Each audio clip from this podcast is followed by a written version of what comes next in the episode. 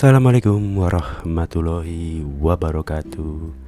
Selamat datang kembali di Potik Mangga Sebuah podcast yang tidak jelas, tidak ada arahnya Disiapkan secara sembrono. Sebuah podcast tematik bersama saya Mas Angga. Sebuah podcast yang pendengarnya lebih sedikit daripada jumlah episodenya.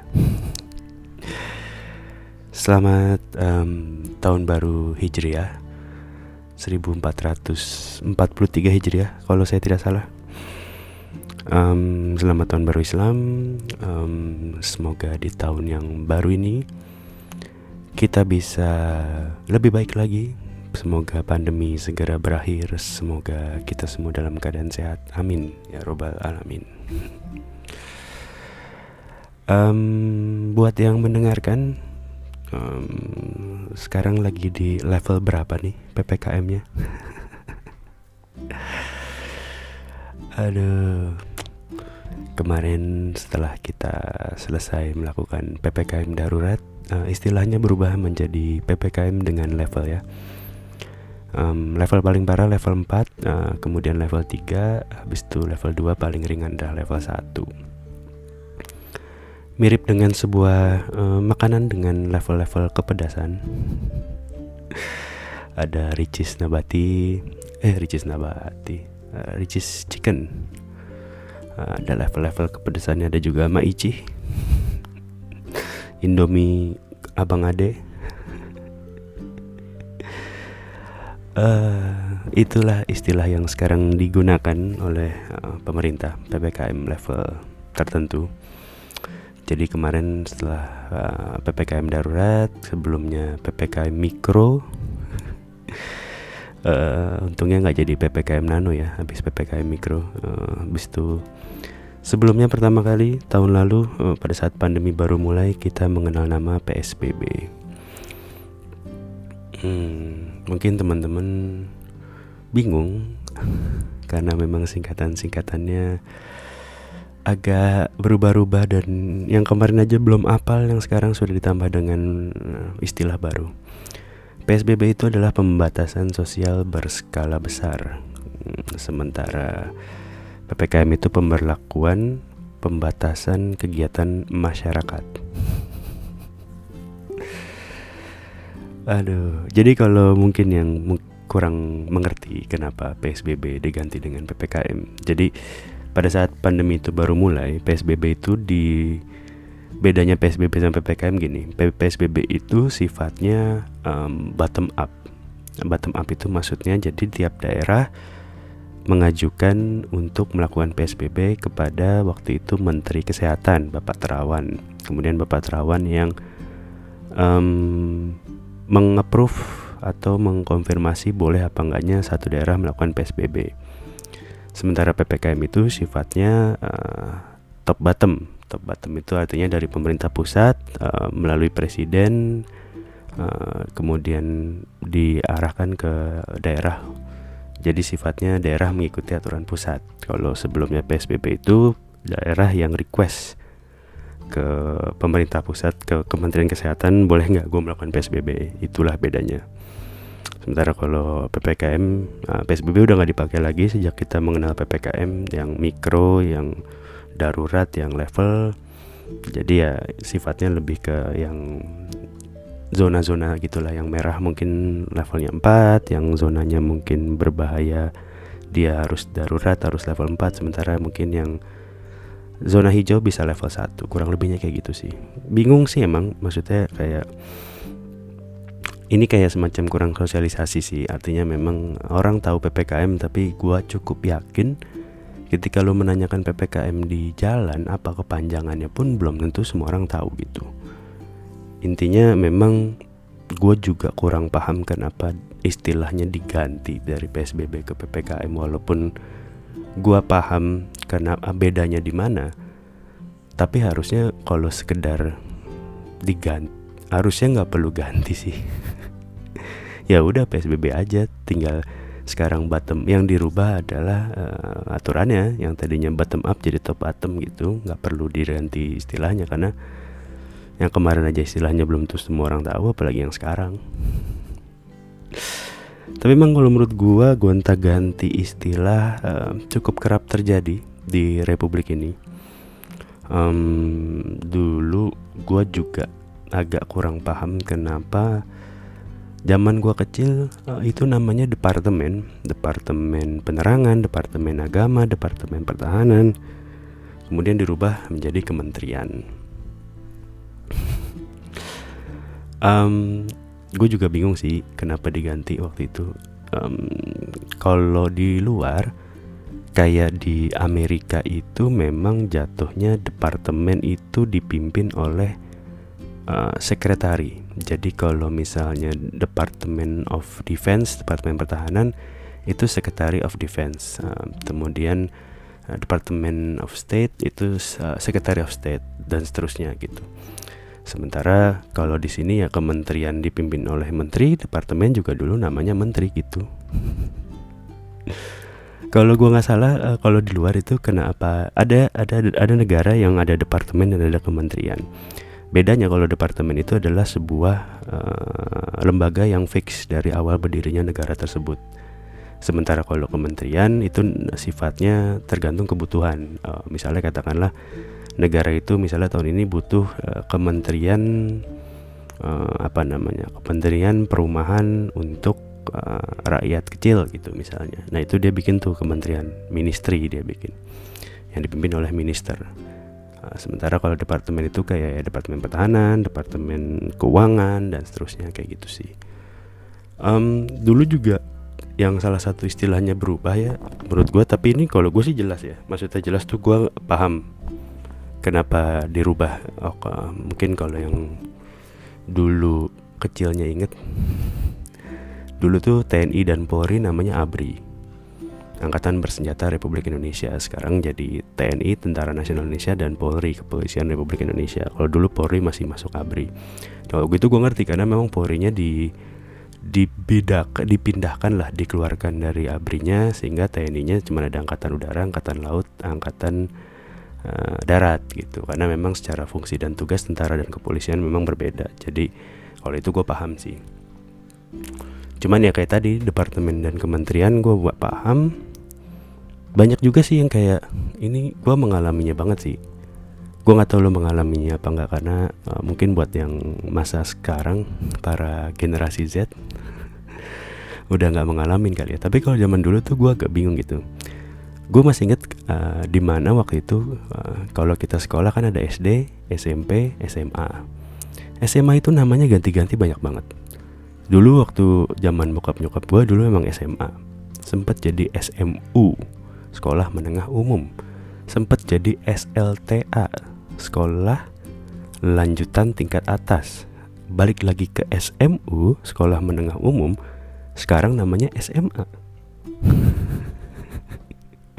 aneh banget gak sih maksud gue ngapain lu ganti-ganti orang sama sekolahnya cuma tiga tahun belum lagi kayak misalnya istilah kelas 1 SMA sekarang jadi kelas 10 10 ya bener ya. Kelas 10 kelas 11 kelas 12 dulu habis kelas 6 SD ya kelas 1 SMP bukan kelas 7 ya, gue nggak tahu deh tuh.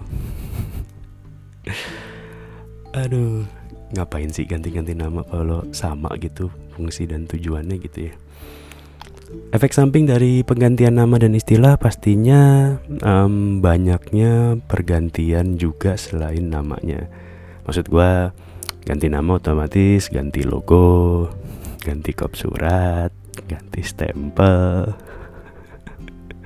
ganti website ganti papan nama ganti plang ganti kartu nama ya pengadaan lah pokoknya.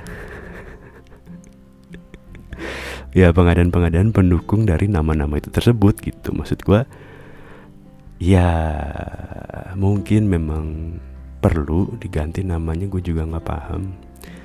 Kayak salah satu contoh contoh juga ya yang gue juga mengalami menurut gue dan gue nggak ngerti kenapa dirubah. Yaitu adalah seleksi penerimaan mahasiswa baru untuk universitas atau perguruan tinggi negeri.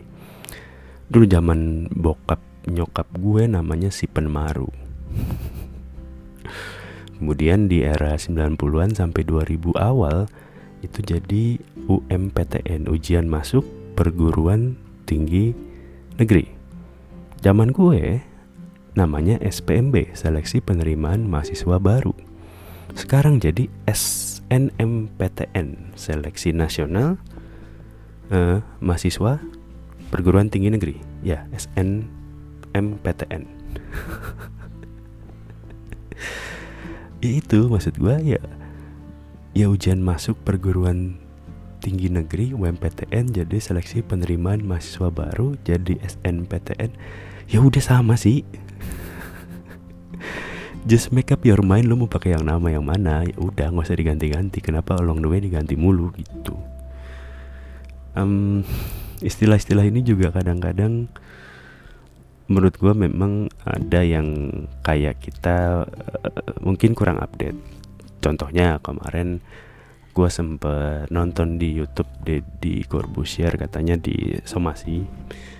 Karena dianggap menyinggung perasaan dari um, orang dengan gangguan jiwa ODGJ dengan menyebut nama orang gila. Ternyata orang gila sekarang istilahnya adalah ODGJ ya ya pastinya untuk orang-orang yang tidak berkecimpung di dunia medis mungkin atau di dunia yang sifatnya uh, keilmuan agak kurang ngikutin ya perubahan-perubahan tadi gitu. Beda kayak PSBB yang jadi PPKM di mana PPKM menurut gua salah satu diksi paling populer di Indonesia saat ini. Semua orang tahu PPKM walaupun nggak tahu kepanjangannya apa. Tapi kalau kayak ODGJ untuk menggantikan orang gila ya gue rasa wajar-wajar aja sih kalau Deddy Corbuzier nggak tahu gitu. Karena mungkin itu juga belum familiar belum sefamiliar itu. Atau kayak misalnya orang dengan kebutuhan khusus gitu menggantikan um, istilah disabilitas atau mungkin dulu orang cacat gitu diganti dengan orang dengan kebutuhan khusus. Ya itulah tadi istilah-istilah yang berubah. Mungkin teman-teman juga um, ini nggak tahu lu pada tahu apa nggak. Apa bedanya PNS dengan ASN dan gue juga baru tahu ini. Jadi PNS adalah pegawai negeri sipil. Pegawai negeri sipil. ASN adalah aparatur sipil negara.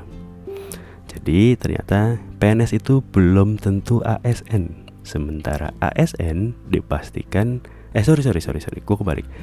Ya PNS itu pasti ASN sementara ASN belum tentu PNS Anda mulai bingung? Saya ulangi. PNS pasti ASN ASN belum tentu PNS Kenapa? Karena ASN itu terdiri dari dua PNS dan pegawai kontrak jadi kalau PNS itu sudah pegawai yang tetap, kurang lebihnya seperti itu. Sementara kalau apa namanya ada satu lagi pegawai kontrak atau pegawai honorer. Jadi ASN itu namanya lah. Jadi ada yang tetap, ada yang kontrak, kurang lebihnya gitu. Gimana udah mulai puyeng dengan istilah-istilah yang ada di negara ini?